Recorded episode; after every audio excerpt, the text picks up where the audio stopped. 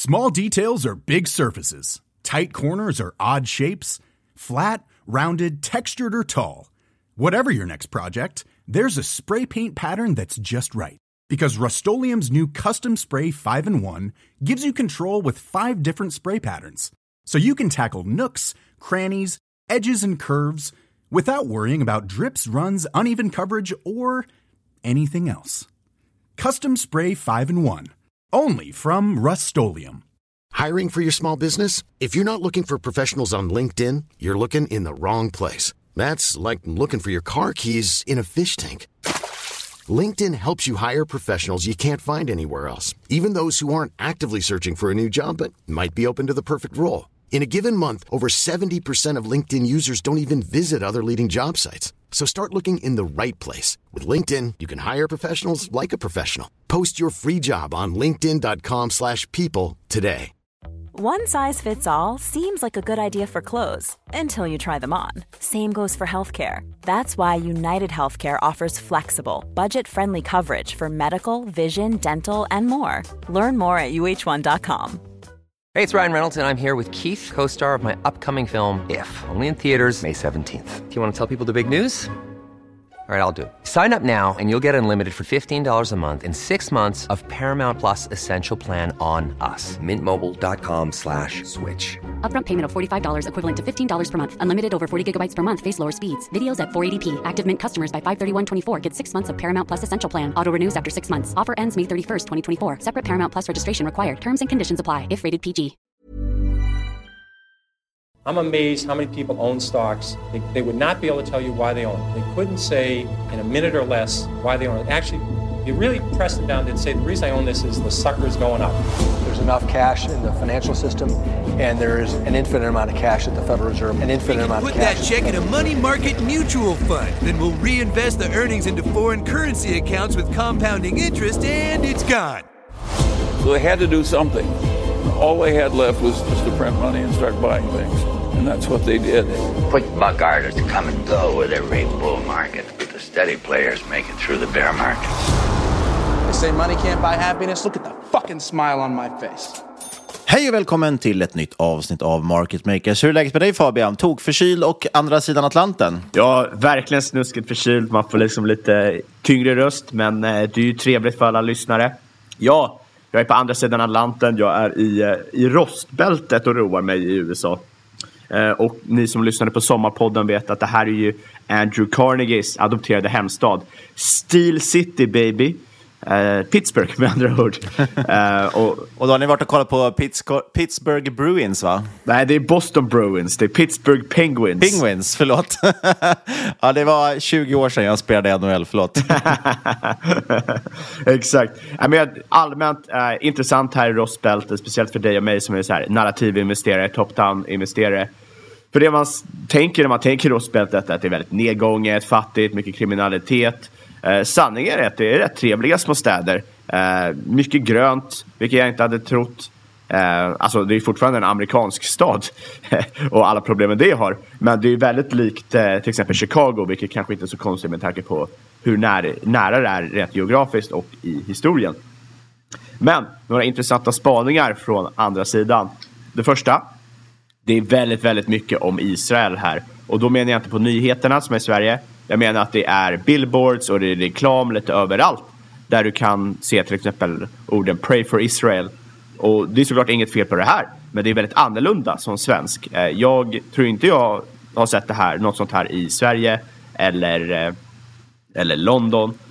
Och eh, det, det känns... Ja, jag vet inte, det känns väldigt, väldigt annorlunda. Ja, det är lite intressant. Nu ska vi inte fastna i politik i den här podden, då, då är vi farligt ute. Men det är intressant, för i Sverige upplever jag att eh, det funnits en, en lutning mer mot liksom, Palestinasidan. Men i USA är det ju, liksom, och nu är det lite mer sådär konflikt, att, såhär, vilket är det egentligen man ska tycka om? Och, och det enda folk kan enas om är att man är i alla fall mot krig, oavsett vem som, vilka som krigar. Men USA är ju verkligen starkt på Israels sida. Det är ju ändå intressant. Um, sen gillar ju de billboards. Det var ju samma när vi åkte genom USA nu till Omaha. Eh, så var det ju mycket sådana här med Trump 2024 och det var ju eh, mycket om att, eh, vad heter det, pro-life och så vidare. De gillar ju att sätta ut billboards med, med sina budskap, både politiska och religiösa. Ja, folk är i sig ute och åker bil väldigt mycket så att det är ju rimligt på det sättet. Många som kommer se dig bara genom att åka förbi. Ehm, och eh, ja, nej men li, lite eh, intressant. Och det, det andra här är Eh, Niklas, har du någonsin tagit ett DNA-prov? Nej, jag har inte gjort det faktiskt. Eh, jag vågar inte skicka mitt DNA till Kina. Det har ju kommit fram att alla som tar sina DNA-prov, de skickar ju sina till Kina för analys. Det känns lite obehagligt tycker jag. Det, det... Och sen har jag inte riktigt sett anledningen till det heller. Det är det, san, det sanna skälet. Det, det tycker jag också. Men om du mot förmodan hade gjort det här och tänkte, ja, ah, det här räcker inte. Jag vill ha mer DNA-prov. Ja, då kan du ju testa din hund nu för tiden här i USA. Och det är reklam för det på tv. Och det tycker jag är rätt intressant. Det är jäkligt bullish. Ja, det känns, det känns dock i linje med trenden med att eh, folk lägger väldigt mycket pengar på sina husdjur. Och sen sist men absolut eh, inte minst, och det här relaterar till förra veckans avsnitt, eh, pratade vi lite med en amerikansk pharmaceutical-kedja. Eh, liten, så typ 2 miljarder i omsättning. Men Novo Nordisk, Vegovi och Ozempic drar in mer pengar än något annat läkemedel. Och, eh, Precis, det var grund... de här bantningskurerna som vi pratade om förra veckan.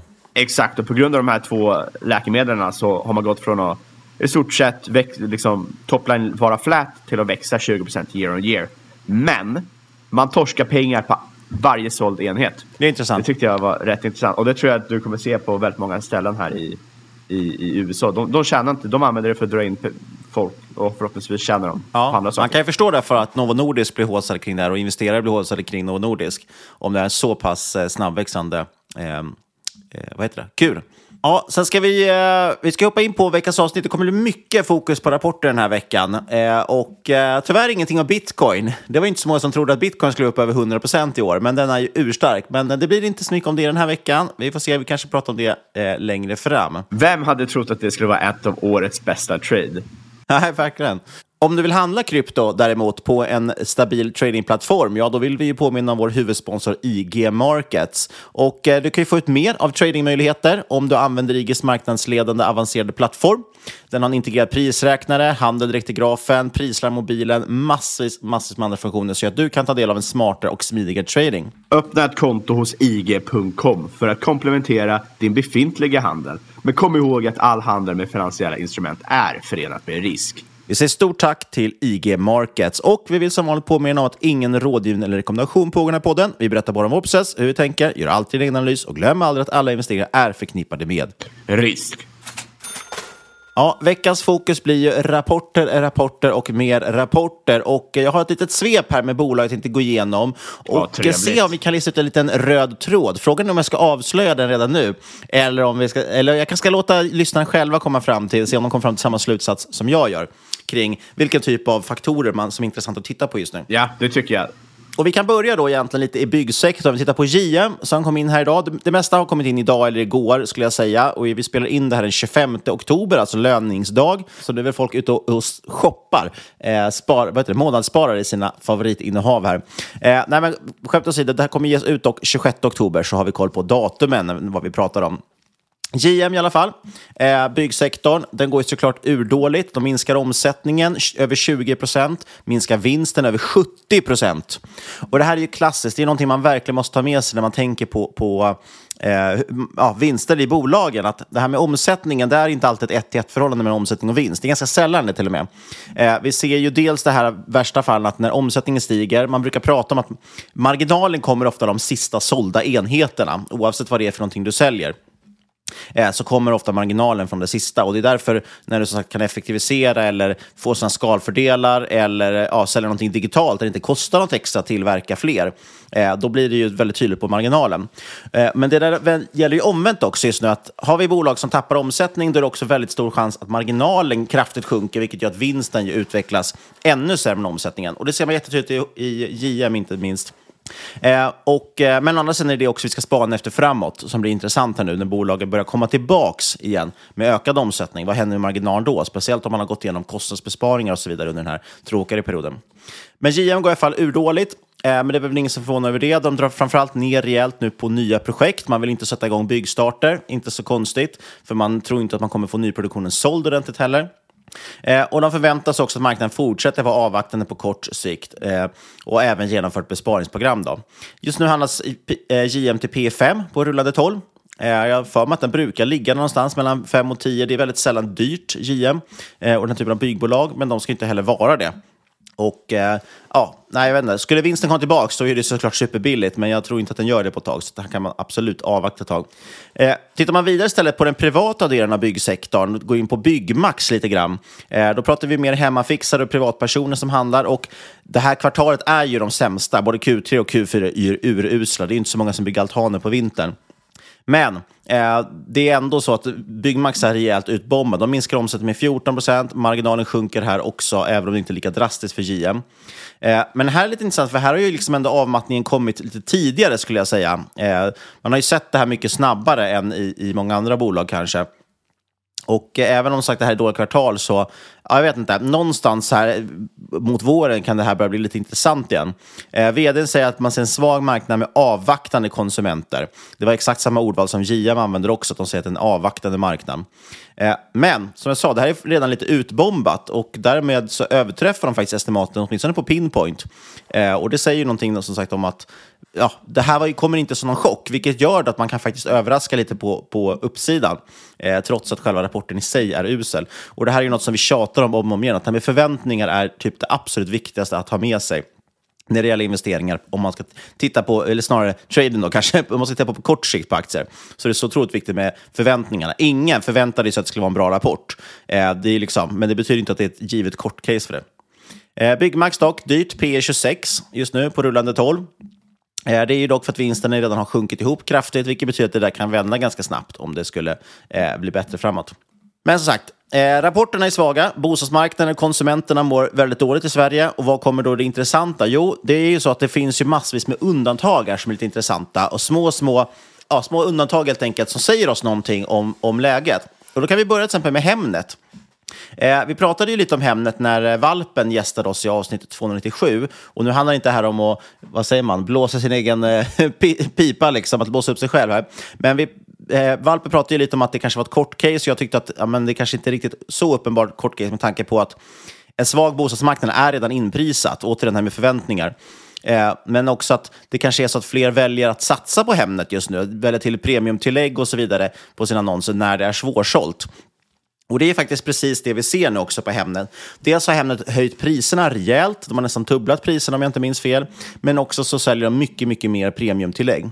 De rapporterar nu omsättning och vinst över estimat. Omsättningen ökar 14 procent och rörelseresultatet ökar 23 procent.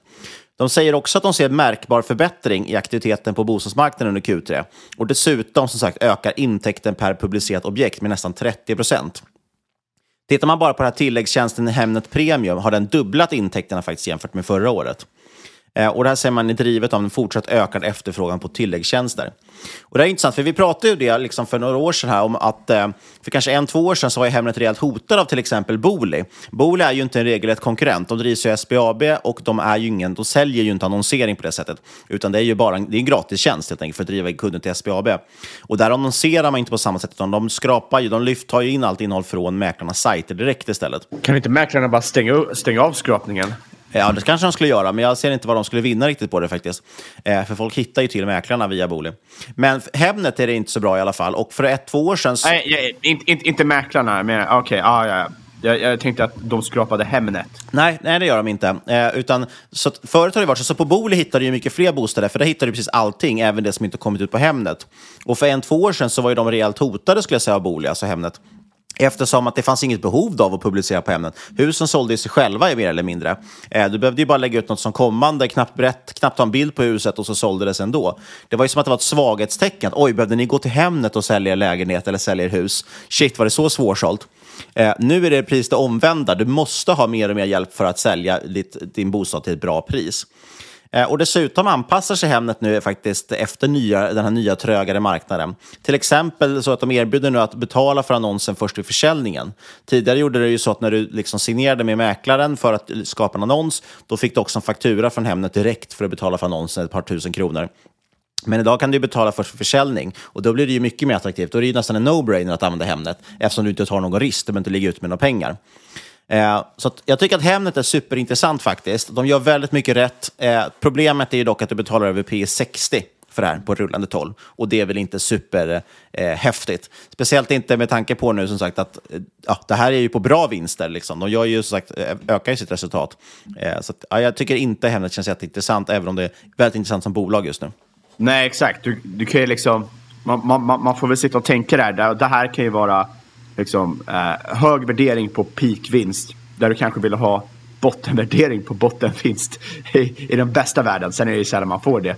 Nej, precis. Och, om man tänker lite framåt här, ja visst, de kanske höjer räntan någon gång till, men förhoppningsvis så börjar man snart sänka räntor och så vidare. Eh, ja, och då förhoppningsvis kanske också huspriser går upp lite grann, det blir lite mer aktivitet och eh, ja, jag vet inte. Och Q4 är väl generellt inte så jättekul kanske för, för bostadsmarknaden i alla fall. Men det är intressant här, det här tecknet återigen. Det handlar väldigt mycket om förväntningar. Man tror att det ska vara dåligt för att bostadsmarknaden är dåligt, men det funkar inte riktigt alls så. Det är lite för mycket first level att tänka så. Eh, så Hemnet sticker ut lite här, lite intressant. Eh, och som sagt, saker och ting det finns undantag som sagt som är intressanta. Vi kan också hoppa över till en annan grej här. Vi hoppar över till installatören Bravida. De har vi inte pratat om i podden tidigare tror jag. Eh, men de rapporterar det här nu också och de ser en omsättningstillväxt på nästan 10 procent, även om marginalen pressas något. Dock ska det tilläggas att den organiska tillväxten enbart var 3 procent. Jag ska återkomma till det. Och här kan man också tänka sig, varför går det här bra? Ja, det borde gå jättedåligt, för att eh, nybyggnad och så vidare går jättedåligt och folk har inga pengar. Och man säger att installationer i nybyggnation står i princip still. Kommer fortsätta dessutom vara rejält svagt även nästa år, tror man. Men det står ju bara för runt 7% av omsättningen, så det är egentligen inget större problem. Och det är det här som är superviktigt, tror jag, i den här rapportperioden nu, eller den här perioden överlag, på både så som börsen är, eh, inför Q4 och sen också, att man måste verkligen fundera på liksom, eh, vilken faktiskt, både geografisk mix folk har, men också vilken industri, vilka industrier man jobbar mot, eller branscher. Eh, för det som istället drar Bravida, det är ju rotmarknaden och framförallt säger man den delen av installationen som drivs av energiomställningen och elektrifieringen. Och det här är lite first level, men det verkar spela ut precis som man tänker i, first level. Eh, vi har jättemycket klimatbonusar som betalas ut. Vi har även EU-direktiv för att driva övergången mot just luftvärmepumpar. Det ska installeras laddstolpar, man ska sätta in solceller med mera, med mera. Och man bedömer från Bravida så att det här kommer skapa goda affärsmöjligheter för oss på sikt, säger man. Eh, så det här är ingenting som man tror kommer liksom stanna in. Eh, om man säger sig generellt se bättre efterfrågan än väntat, man är så lite förvånad över att det ändå går så pass bra. Orderingången stiger drygt 10 procent. Bland annat vinner man ett stort infrastrukturprojekt också kring installationer i Stockholms nya tunnelbana. Och det är värt 1,3 miljarder, så det är inte så illa. Mm. Bravida ligger 50-50 ungefär mellan installation och service. Och servicedelen är såklart betydligt tryggare medan installationsdelen är mer känslig av naturliga skäl. Eh, och man lägger mycket fokus, där har man nästan alla rapporter nu, fokus på att förbättra, eller jag skulle kanske säga försvara, marginalen. Eh, och mycket fokus på kostnadskontroll och kassaflöden. Eh, och jag tror verkligen, det är det också viktigt att ha med sig tror jag, in i den här rapportperioden, eller det här halvåret kanske, att de bolag som kommer komma ur den här krisen lär vara rejält stärkta. Och jag menar, Bravida de förvärvar ju väldigt mycket. Eh, de förvärvar två bolag bara under det här kvartalet som tillför nästan 70 miljoner i omsättning. Totalt har man gjort eh, under året 12 förvärv. Och man har en ganska sund balansräkning. Och den här typen av bolag står ju verkligen rustade framåt nu för att kunna ta, ta liksom, eh, dra nytta av en sån här kris. Det är billigare att köpa bolag. Det kanske kan vara lättare om man hittar bolag som det går svagt för.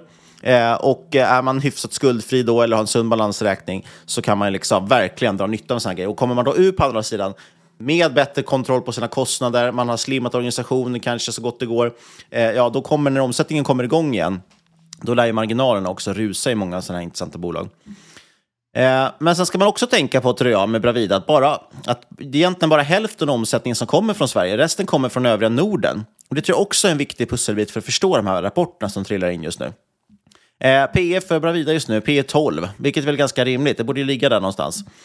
Eh, IT-konsulten Knowit däremot, de säger uttryckligen, apropå det här med Sverige, de säger att utmaningarna är störst på svenska marknaden. Och de säger att samtliga marknader i Norden påverkas av svagare marknadsförutsättningar, men utmaningarna är som störst på den svenska marknaden. Och jag tror att det är lätt att bli lite hemmablind här som svensk, att man ser ju hur pass svagt det liksom är i Sverige och vi har den svaga svenska kronan. Men vi glömmer bort att många av våra börsbolag inte bara är verksamma i Sverige, utan de har också en internationell eh, del också. Och då kan det till och med bli extra intressant. Som jag menar, eh, köp, danskar och tyskar och så vidare vill ju väldigt gärna köpa av Sverige nu när det är så pass billigt eh, med, med svenska kronan. Eh, och även Knowit då fokuserar på kostnadskontroll, eh, marginalen, se till att framgent ha tillväxtmöjligheter när liksom, den bättre marknaden kommer tillbaka. Eh, inte så konstigt kanske. Knowit handlas till P 12 och det är väl inte superintressant med, med några av de här IT-konsulterna egentligen just nu. De ska ju ligga där någonstans. Eh, och det är antagligen eh, väldigt eh, volatila vinster där. Ja, det är väl som, om- som, som du säger, man ser att marginalen och vinsten bara kollapsar. Det blir väldigt dyrt och då kan det ju vara, vara, vara läge att komma in så länge de kommer ut på andra sidan. Ja, och konsulter är ju väldigt, väldigt tydligt det här med vi pratar om med marginalen, att den är beroende av den sista sålda enheten. I deras fall är det ofta timmar. Konsulterna de står ju kostnad, de har en fast kostnad, de har en viss lön eh, som dessutom ökar ganska mycket för att folk vill ha kompensation för inflationen. Eh, och samtidigt så har du en minskar omsättningen, det vill säga du har färre konsulter som är uthyrda, ja då, ök, liksom, då, då, ex, vad heter det? då kollapsar ju marginalen totalt. Det slår ju jättehårt. Det är alltid den där sista sålda timmen, den är ju liksom nästan 100% marginal på. Så att det där är jätte, jättekänsligt just nu. Eh, så att man, jag vet inte, jag är inte supersyn på konsulterna. Det var en ganska bra trade förut. Vi har pratat om mycket om det i podden för det är väl snart ett år sedan, eh, om att det var intressanta lägen i konsulterna. När, när jag tyckte de tog ut lite för mycket. Eh, men nu börjar ju den liksom effekten komma som folk hade förväntat sig. Ja. Eh, men man var lite tidigt ute kanske. Det går, går snabbt i hockey, som man säger. Sen kan vi kolla vidare på Lagerkrans. Jag tror inte heller vi har haft upp så mycket i podden, men det är ju en eh, ja, de, industri, industrikoncern och de är också ute och förvärvar väldigt mycket. Deras nettoomsättning ökar 12 procent, men organiskt ligger man faktiskt på minus 1 procent. Eh, och det har ju väldigt mycket kring att göra med de här förvärven. De har gjort fyra förvärv under första halvåret. De har ju brutit räkenskapsår, så de är bara på sin Q2 än så länge. Eh, och de ser fortsatta möjligheter framåt och ska öka förvärvstempot, sa de. De siktar på en ny dubblering av resultatet inom fem år. Och Det här är ju det långsiktiga fokuset som jag gillar, som jag tror man verkligen ska titta efter. Man vill ha bolag som har lönsamhet och kostnadskontroll för att kunna då skörda i framtiden. Liksom, av det här. Eh, och dessutom, Lagercrantz, de är en tredjedel av försäljningen i Sverige. Men sen är det spritt över Norden, Europa och ännu längre bort i form av Asien och jag tror USA också. Så det här är ju superintressant, men eh, ja, för den här svaga svenska kronan liksom har ju länge varit lite som doping för industribolagen och det där har ju bara blivit ytterligare förstärkt nu under år såklart när svenska kronan är så otroligt svag. Ja. Enda problemet med Lagercrantz då, det är att du betalar P 26 för det här på rullande 12. En annan sån här industrispelare som jag gillar väldigt mycket, det är ju Note. Eh, och där pratar vi ju mer om en... Eh, ja, där handlar det väldigt mycket om outsourcing och eh, tillverkning. Eh, det här är ett bolag som också gynnas av både förvärv, de gynnas av svag krona och den här geografiska mixen. Eh, och här ska jag slänga in en disclaimer att jag äger aktier i Note. De rapporterar 11% omsättningstillväxt, men rensar man bort den förvärv och valutaeffekter så blir det 3% tillväxt. Och det här är intressant då hur stor pass effekt både valutaeffekter och förvärv har. Eh, rörelseresultat och vinst efter skatt ökar dock över 60 procent. Det är ju ganska imponerande. Eh, om man eh, är väldigt, väldigt aktiva inom något just nu, man köper bolag i Storbritannien, stärker samarbetet inom medtech och det är ju väldigt icke-konjunkturkänsligt. Köper ett bulgariskt bolag och passar på att shoppa fabriker och mark i Sverige, som ju förhoppningsvis är lite billigare nu också kanske. Och de pratar väldigt mycket om den här halvledarbristen, med att den fortsatt lyser med sin frånvaro. Den liksom, det är bara lättare och lättare läget hela tiden. Eh, och även Q3 nu så ser man tillgänglighet på komponenter har varit betydligt, betydligt bättre än tidigare. Eh, så den kan man liksom lite skriva av nu. Det har vi varit inne på tidigare i podden. Ja, det som är intressant är ju att jämföra ja, till exempel Note med, med eh, Plaid nu. För Plaid, omsättningen var väl väldigt fin, men marginalen försämrades rätt ordentligt. Och eh, det ska bli intressant att se hur det här kan slå på Note framöver. Både, eh, har, du, någon- har du någon åsikt om det? Nej, men jag kan tänka mig att Note och de har lyckats pressa upp sina priser. Eh, faktiskt var, de lyfte lite grann det i rapporten och sa att 5 av försäljningstillväxten i år Förlåt, 5 av försäljningen föregående år var hänförlig just till extraordinära kostnadsökningar. Alltså, komponentbrist var så pass hög, men kunderna ville gärna ha eh, liksom produkterna direkt ändå och då fick man ju gå ut på de här gråmarknaderna. Jag vet till exempel, väldigt, har blivit väldigt stor industri, framförallt i Kina, att man köper upp alla komponenter man kan hitta som det är brist på och så säljer man dem till flera gånger marknadsvärdet. Mm. Eh, och Note och flera andra jobbar ju då med att köpa från de här, för att vissa kunder säger att nej, för oss spelar det ingen roll vad det kostar, vi måste bara ha den här produkten nu. Och då fick man ju gå ut och spela det här spelet helt enkelt, försöka hitta de här produkterna. Och då kunde man också höja sina kostnader jättehögt mot kund. Eh, och som sagt, man tillskriver 5% av föregående års försäljning till just den här typen av extraordinära kostnadsökningar. Och då har man det då i bakhuvudet, eh, dels då såklart att de, vissa av de kostnadsökningarna ligger kvar i år, men framförallt så så ska man ha med sig det i bakhuvudet att det gör ju att årets tillväxt blir desto mer imponerande, för man växer från den här extraordinära ökningen liksom förra året. Eh, Q3 i alla fall, nu som man levererade, har man redan flaggat för att det skulle bli årets svagaste. Men jag tycker ändå att man levererar väldigt bra. Och framförallt så är det intressant att många bolag just nu, de, fokuserar, de säger att de fokuserar på lönsamhet över tillväxt. Alltså fokus är kostnadskontroll, försvara marginalen och sen kan man växa i framtiden. Note är ett av få bolag alltså, som säger att de ska satsa på lönsam tillväxt. Det vill säga, de fortsätter växa, men de ska också fortsätta öka lönsamheten. Och man gynnas ju här starkt av den här geografiska spridningen. Man gynnas av att man har möjlighet till förvärv eh, tack vare den sunda balansräkningen. Och dessutom har man lyckats de senaste åren bygga upp ett stark liksom, bas med kunder inom icke-konjunkturkänsliga branscher. Och då är det framförallt mycket inom medtech, eller medicin, liksom, eh, och greentech. Så de gynnas ju också av den här eh, ja, men alla de här satsningarna och så vidare på eh, gröna omställningen. Och man ska också tillägga här jämfört med det här, nu tappar jag bort namn på det, Scanfil var det va, i, i Finland, yeah. som har en väldigt stor, en, en jättestor kund. Så Note har ju ingen enskild kund som överstiger 6 av omsättningen, så man har en bättre kundspridning. Man säger att tillväxten för året borde bli minst om 11 procent, man växte nu i Q3, men redan under nästa år förväntas man sig att tillväxttakten ska öka igen. Kagger för Note, alltså genomsnittliga omsättningstillväxten per år, har ju legat på över 20 procent. Det är otroligt imponerande. Eh, och de ser ingenting som säger att det inte skulle kunna fortsätta. Eh, man säger också att den här krympande orderstocken, det är det som är intressant, för Note har ju gått ner väldigt kraftigt. Det är den lägsta värderingen på väldigt, väldigt länge i det här bolaget. Ja. Och marknaden har varit väldigt orolig för att den här orderstocken har minskat. Men det säger man helt enkelt, det är ju för att vi har haft en ovanligt hög orderstock på grund av komponentbristen. Och nu när komponentbristen minskat så mycket, då har man kunnat leverera på de orderna snabbare. Så kunderna behöver inte, dels inte lägga orders heller längre, alltså på så lång sikt längre som de gjorde förut. Så att, eh, det här tycker jag inte man ska se som något svaghetstecken, utan det är mer att man går tillbaka till normal liksom, verksamhet. Framgent säger också både att man fortsatt eh, kommer öka rörelseresultatet och att man ytterligare ska stärka sin rörelsemarginal. Så bolaget tror fortsatt på marginaltillväxt samtidigt som bolaget också ska öka omsättningstakten. Så jag tycker det är otroligt intressant. Eh, P 13 just nu på rullande 12, det är lägre än vad det varit på väldigt länge. Eh, förut har ju folk haft lite emot den aktien för att den har värderat ganska högt. Jag tror att den kanske landar på P11 någonting nu för 2023 och sen 9-10 nästa år. Och jag tycker att P talet borde vara 15 i alla fall på det här. Eh, så jag äger som sagt fortsatt aktier i Note. Ja, alltså det... sen, sen kortsiktigt vet man inte, för det handlar så mycket om sentiment och så vidare. Just nu känns det som att allting slaktas, men eh, jag tittar snarare på, kanske på något års sikt här. Ja, absolut. absolut. Det bör man väl göra, ha några års sikt på, på, på, på det man kikar på. Men det enda jag tänker här är att ja, de säger att de levererar ut sin orderstock. Samtidigt så säger Plaid att de bygger mycket lager och då är ju frågan om liksom, de som beställer från Note, om de börjar komma ikapp. Uh, vilket kan liksom, tryck, trycka ner, och det är väl det marknaden kanske är rädd för, att du trycker ner uh, framtida intäkter och beställningar. Ja, men så är det ju. Men, men samtidigt så då, då i sånt fall så, så ljuger ju Note i sina vd-ord då, där de säger att de tror att de kommer fortsätta växa och att de inte ser det som en svaghet.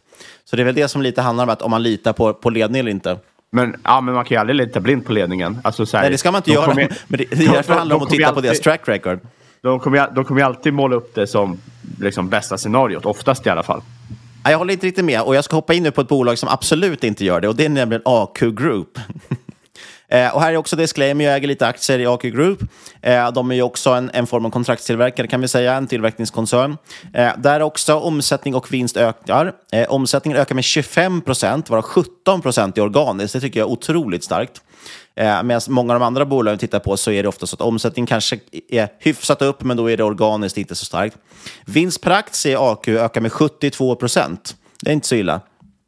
Och man ser ökad efterfrågan. Man har ju framförallt väldigt mycket stabila branscher man levererar till. Det handlar om elektrifiering igen, det handlar om också kommersiella fordon. Försvarsindustrin, det har vi inte pratat om, men det är ju också såklart en, en väldigt bra industri just nu. Och även tåg och fartyg levererar man till.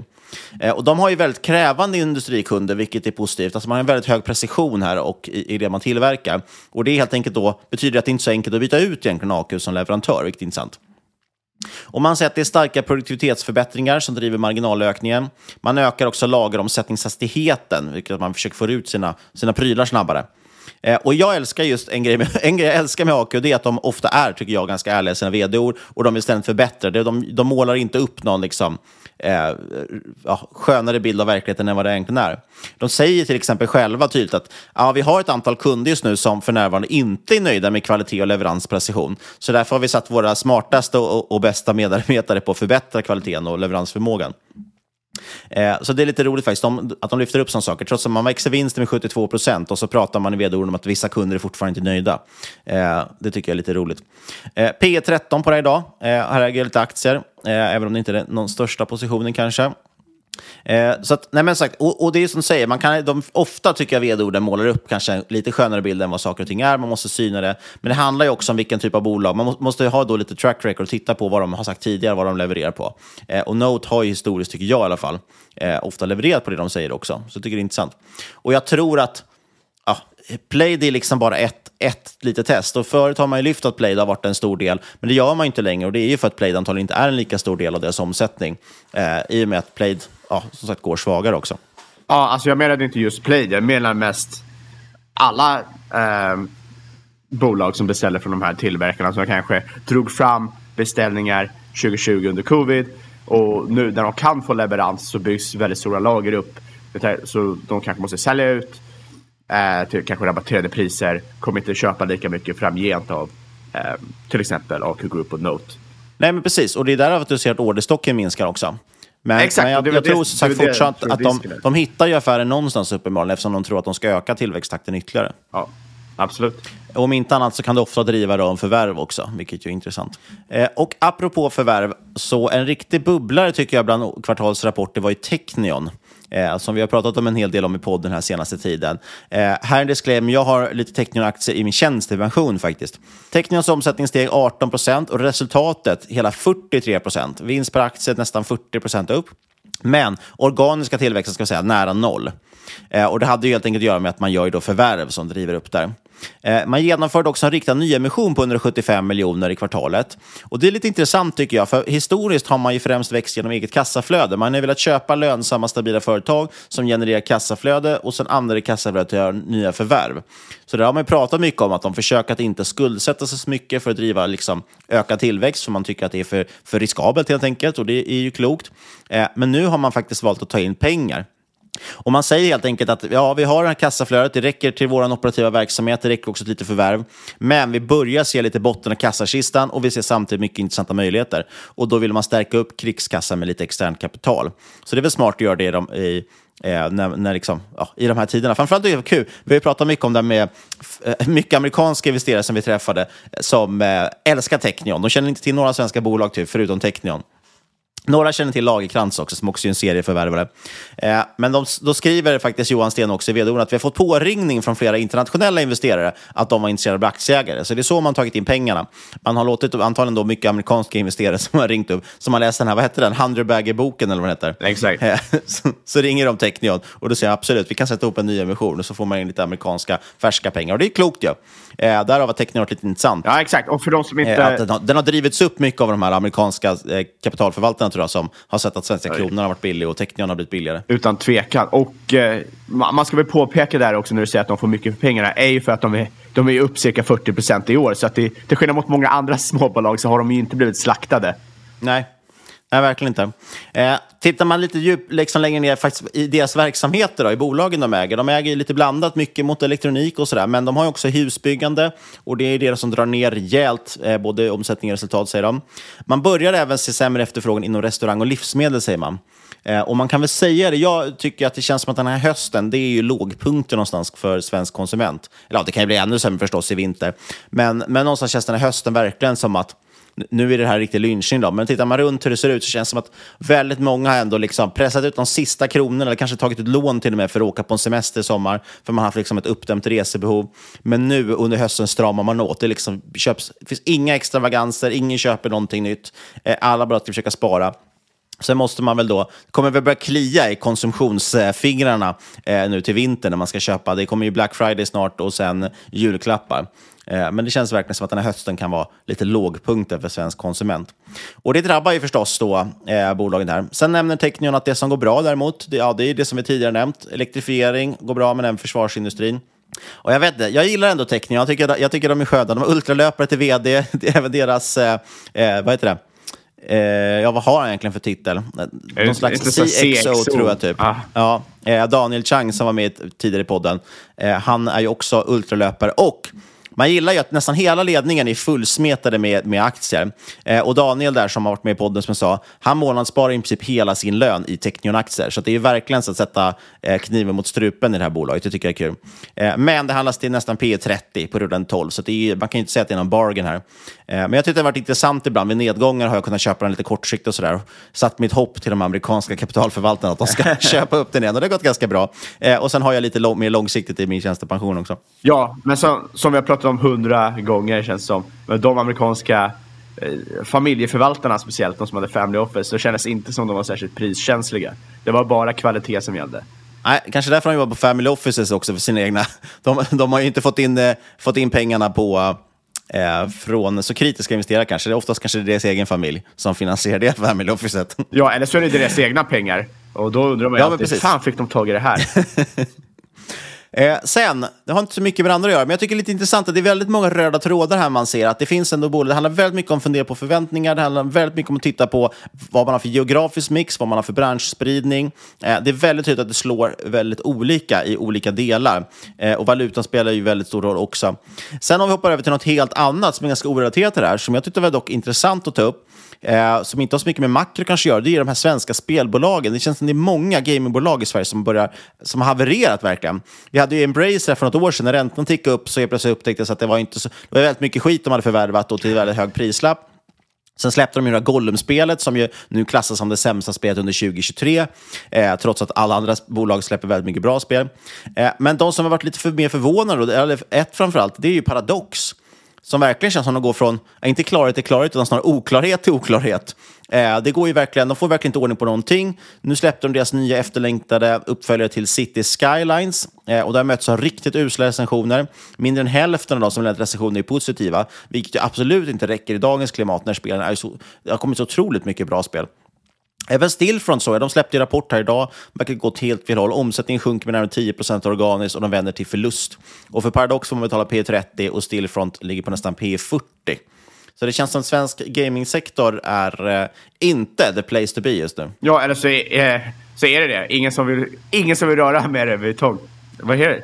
Bra. Ja, men om du, du, ska, du ska betala P30 till 40 för någonting som håller på, ser ut att trenden har precis vänt liksom åt helt fel håll. Ja, jag, jag, det är ingenting jag tittar på just nu fall. Nej, Sen finns det andra spelbolag som är intressanta. Försöker bara le le leka lite djävulens advokat här. Ja, du försöker bara få in sponsorer. Du tror att de ska sponsra podden sen när Paradox ska göra nyemission. Nej, det kommer aldrig, kommer aldrig hända. Men, eh, ja, med det sagt så... Det var ju väldigt utförligt. Det var ju väldigt trevligt att lyssna på. Jag, jag eh, tänkte att vi ska prata om... Jag tänkte jag skulle spara din röst lite. Ja, det var, det var faktiskt väldigt, väldigt sant. Eh, sant, snällt. Ni hör ju hur den här sjukdomen påverkar min hjärna, går inte ens att prata. Eh, nej, men det har, det, angående småbolag, det har ju varit väldigt tungt senaste, jag höll på att säga senaste veckorna, men senaste året, åren. Eh, och det är lite sjukt här när man kollar på riktiga så här shitcodes som drillers och olika stenar, att det har varit safe haven med relativ styrka. Det hade man nog inte kunnat förutse 2021. Eh, men eh, många kollar ju också bara på index, påpekar att det här inte ner särskilt mycket från toppen. Men då kan man också påpeka här att det inte är index som paintrader har varit. Det har ju varit för alla småbolagsinvesterare som är ner typ 50 procent senaste åren. Men med indexinvesterare, jag tänkte att vi ska prata om ett lite större bolag. Ett bolag som vi hade haft med, vi haft med i podden tidigare. Det är faktiskt ett av de första bolagen vi analyserade i podden, avsnitt 47.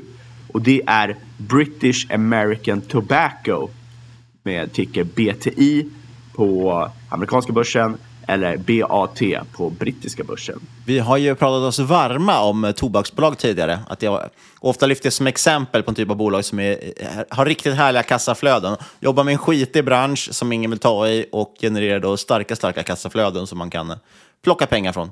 Exakt, och eh, jag tror väl att det här bolaget handlas lite, lite billigt just nu. Jag ska dra en snabb genomgång. Och de flesta fattar väl vad det här är för typ av bolag. Det är världens näst största tobaksbolag. Man säljer cigg, man säljer vapes, det är e-cigg, det är snus och nikotinpåsar och så vidare. 53 procent av ebit är från USA, 47 procent. Eh, ja, resten av världen om man bortser från Kina och Indien. Man har även ett dotterbolag i konglomeratet ITC eh, som man äger cirka 30 procent av och det motsvarar cirka 500 miljoner eh, pund i vinst om året för dem. Och det utgör cirka 15-16 eh, procent av Enterprise Value. Men det som är intressant här är att BTI handlas till en direktavkastning på cirka 9 procent. Ett eh, free cash flow yield på cirka 15 procent. Och eh, sex gånger EV-EBIT för 2024 och lägre än det på 2025-2026. Och det här är den lägsta värderingen bolaget har haft på flera årtionden. Eh, det är en värdering som är lägre liksom dotcom-bubblan, finanskrisen och covid. Och det är även lågt på en relativ basis. Och jag är kanske inte den största fanen på en relativ värdering. Men det är rätt mycket lägre än till exempel Altria som handlas till 8x ev ebit och Altria har inte haft så jättekul de senaste åren. Men då är stora frågan varför är BTI billigt? Det måste vara någon anledning. Väldigt sällan någonting bara är billigt för att. Och det första är att bolaget har levererat rätt kast i USA de senaste åren med en dubbelsiffrig nedgång i eh, cigarettförsäljningen. Och eh, det här är på grund av tappad marknadsandel. Eh, man har också drabbats av förbud i mentolcigg i Kalifornien. Mentolcigg var ju väldigt stort för, för det här bolaget. Eh, och eh, intäkter har senaste året växt ensiffrigt. Eh, samma med earnings per share, men volymen har som sagt fallit. Så det första här, man är ju rädd att de ska fortsätta tappa marknadsandelar i ja, i det viktigaste segmentet. Och sen nummer två är att man ser en, ett preferensskifte, framförallt i USA, från cigg till snus och nikotinpåsar. Vilket är rätt intressant. Och den här industrin växer galet starkt. Det är 30-40% om året. Men BTI har ingen större närvaro där. Jag ska komma in lite på det senare. Så vad, vad kan man se för katalys katalysatorer här? Ja, det första är att man nu söker FDAs tillåtelse att sälja sitt svenska snus i USA. Och det här är alltså snusmärken som Lundgrens, det är Granit, det är Knäckt, det är Lyft och det är Velo. Och det här kan ju såklart vara eh, väldigt stort för bolaget. Det här är väldigt populära snusmärken för i Sverige och i Norden. Och eh, troligtvis kan de även bli populära i, på, på, på andra sidan Atlanten. Eh, framförallt så skulle det väl hjälpa att minska tapp av marknadsandelar. Eh, nummer två är vape och e-segmentet är ej lönsamt än så länge, men förväntas bli lönsamt 2024. Eh, nummer, två, nummer tre är att man eh, återupptar, eh, eventuellt återupptar återköp under 2024. Och eh, nummer fyra, alltså rent allmänt är ju bara att man använder det här stora fria kassaflödet eh, som skjutsas in i utdelning, återbetalning av skuld och buybacks. Summa summarum så tycker jag att det här är ett väldigt intressant play där man får exponering mot det som kallas FCMG och det är väl fast moving consumer goods, alltså konsumentvaror till liksom den lägsta värderingen på 30 år. Lång historik på det här bolaget. Eh, du har stabil F. FMCG måste det väl ändå bli? Om det ska bli fast moving consumer goods. FMCG låter rimligare. Jag vet inte vad jag sa. STP2. Uh, men ja. Hälsar vän av ordning. Exakt. Men jag tror att marknaden tar ut lite mycket på förskott. Uh, som det brukar vara i de här typerna av bolagen. Man, ser, man tänker nu är det över, nu är det över. Men år in år ut så är det stabil direktavkastning. Eh, det är stabilt free cash flow yield. Eh, man lär kunna få en relativt stabil avkastning framgent. Och eh, känns som aktiemarknaden som sagt diskonterar lite mycket, lite snabbt. Ja, spännande. Tobaksbolagen är ju sjukt intressanta som sagt och eh, man vill ju gärna köpa dem när de är väldigt billiga. Eh, men vi ska påminna som vanligt, oavsett vad vi har pratat om, att inte någonting du hört i den här podcasten ska ses som rådgivning. Alla åsikter var rena, LVS och eventuella sponsorer har inget ansvar för det som sägs i podden. Tänk på att alla investeringar är förknippade med risk och sker under eget ansvar. Och eh, eget ägande har vi väl gått igenom, eller äger du någonting i British Tobacco? Äger ingenting i någonting vi har pratat om idag. Nej, jag låter ju alltid mina lyssnare frontrunna mig. Eh, och jag äger ju som sagt de jag nämnde. Det är ju Note, det är AQ och det är väl Technion lite grann också. Vi vill såklart rikta ett stort tack till vår huvudsponsor IG. Gå in på ig.com och ladda ner IG-appen redan idag. Och kontakta oss på podcast at marketmakers.se eller på Twitter och eucaps at marketmakerspod. Och sist, men absolut inte minst, kära lyssnare, stort tack för att just du har lyssnat. Vi hörs igen om en vecka.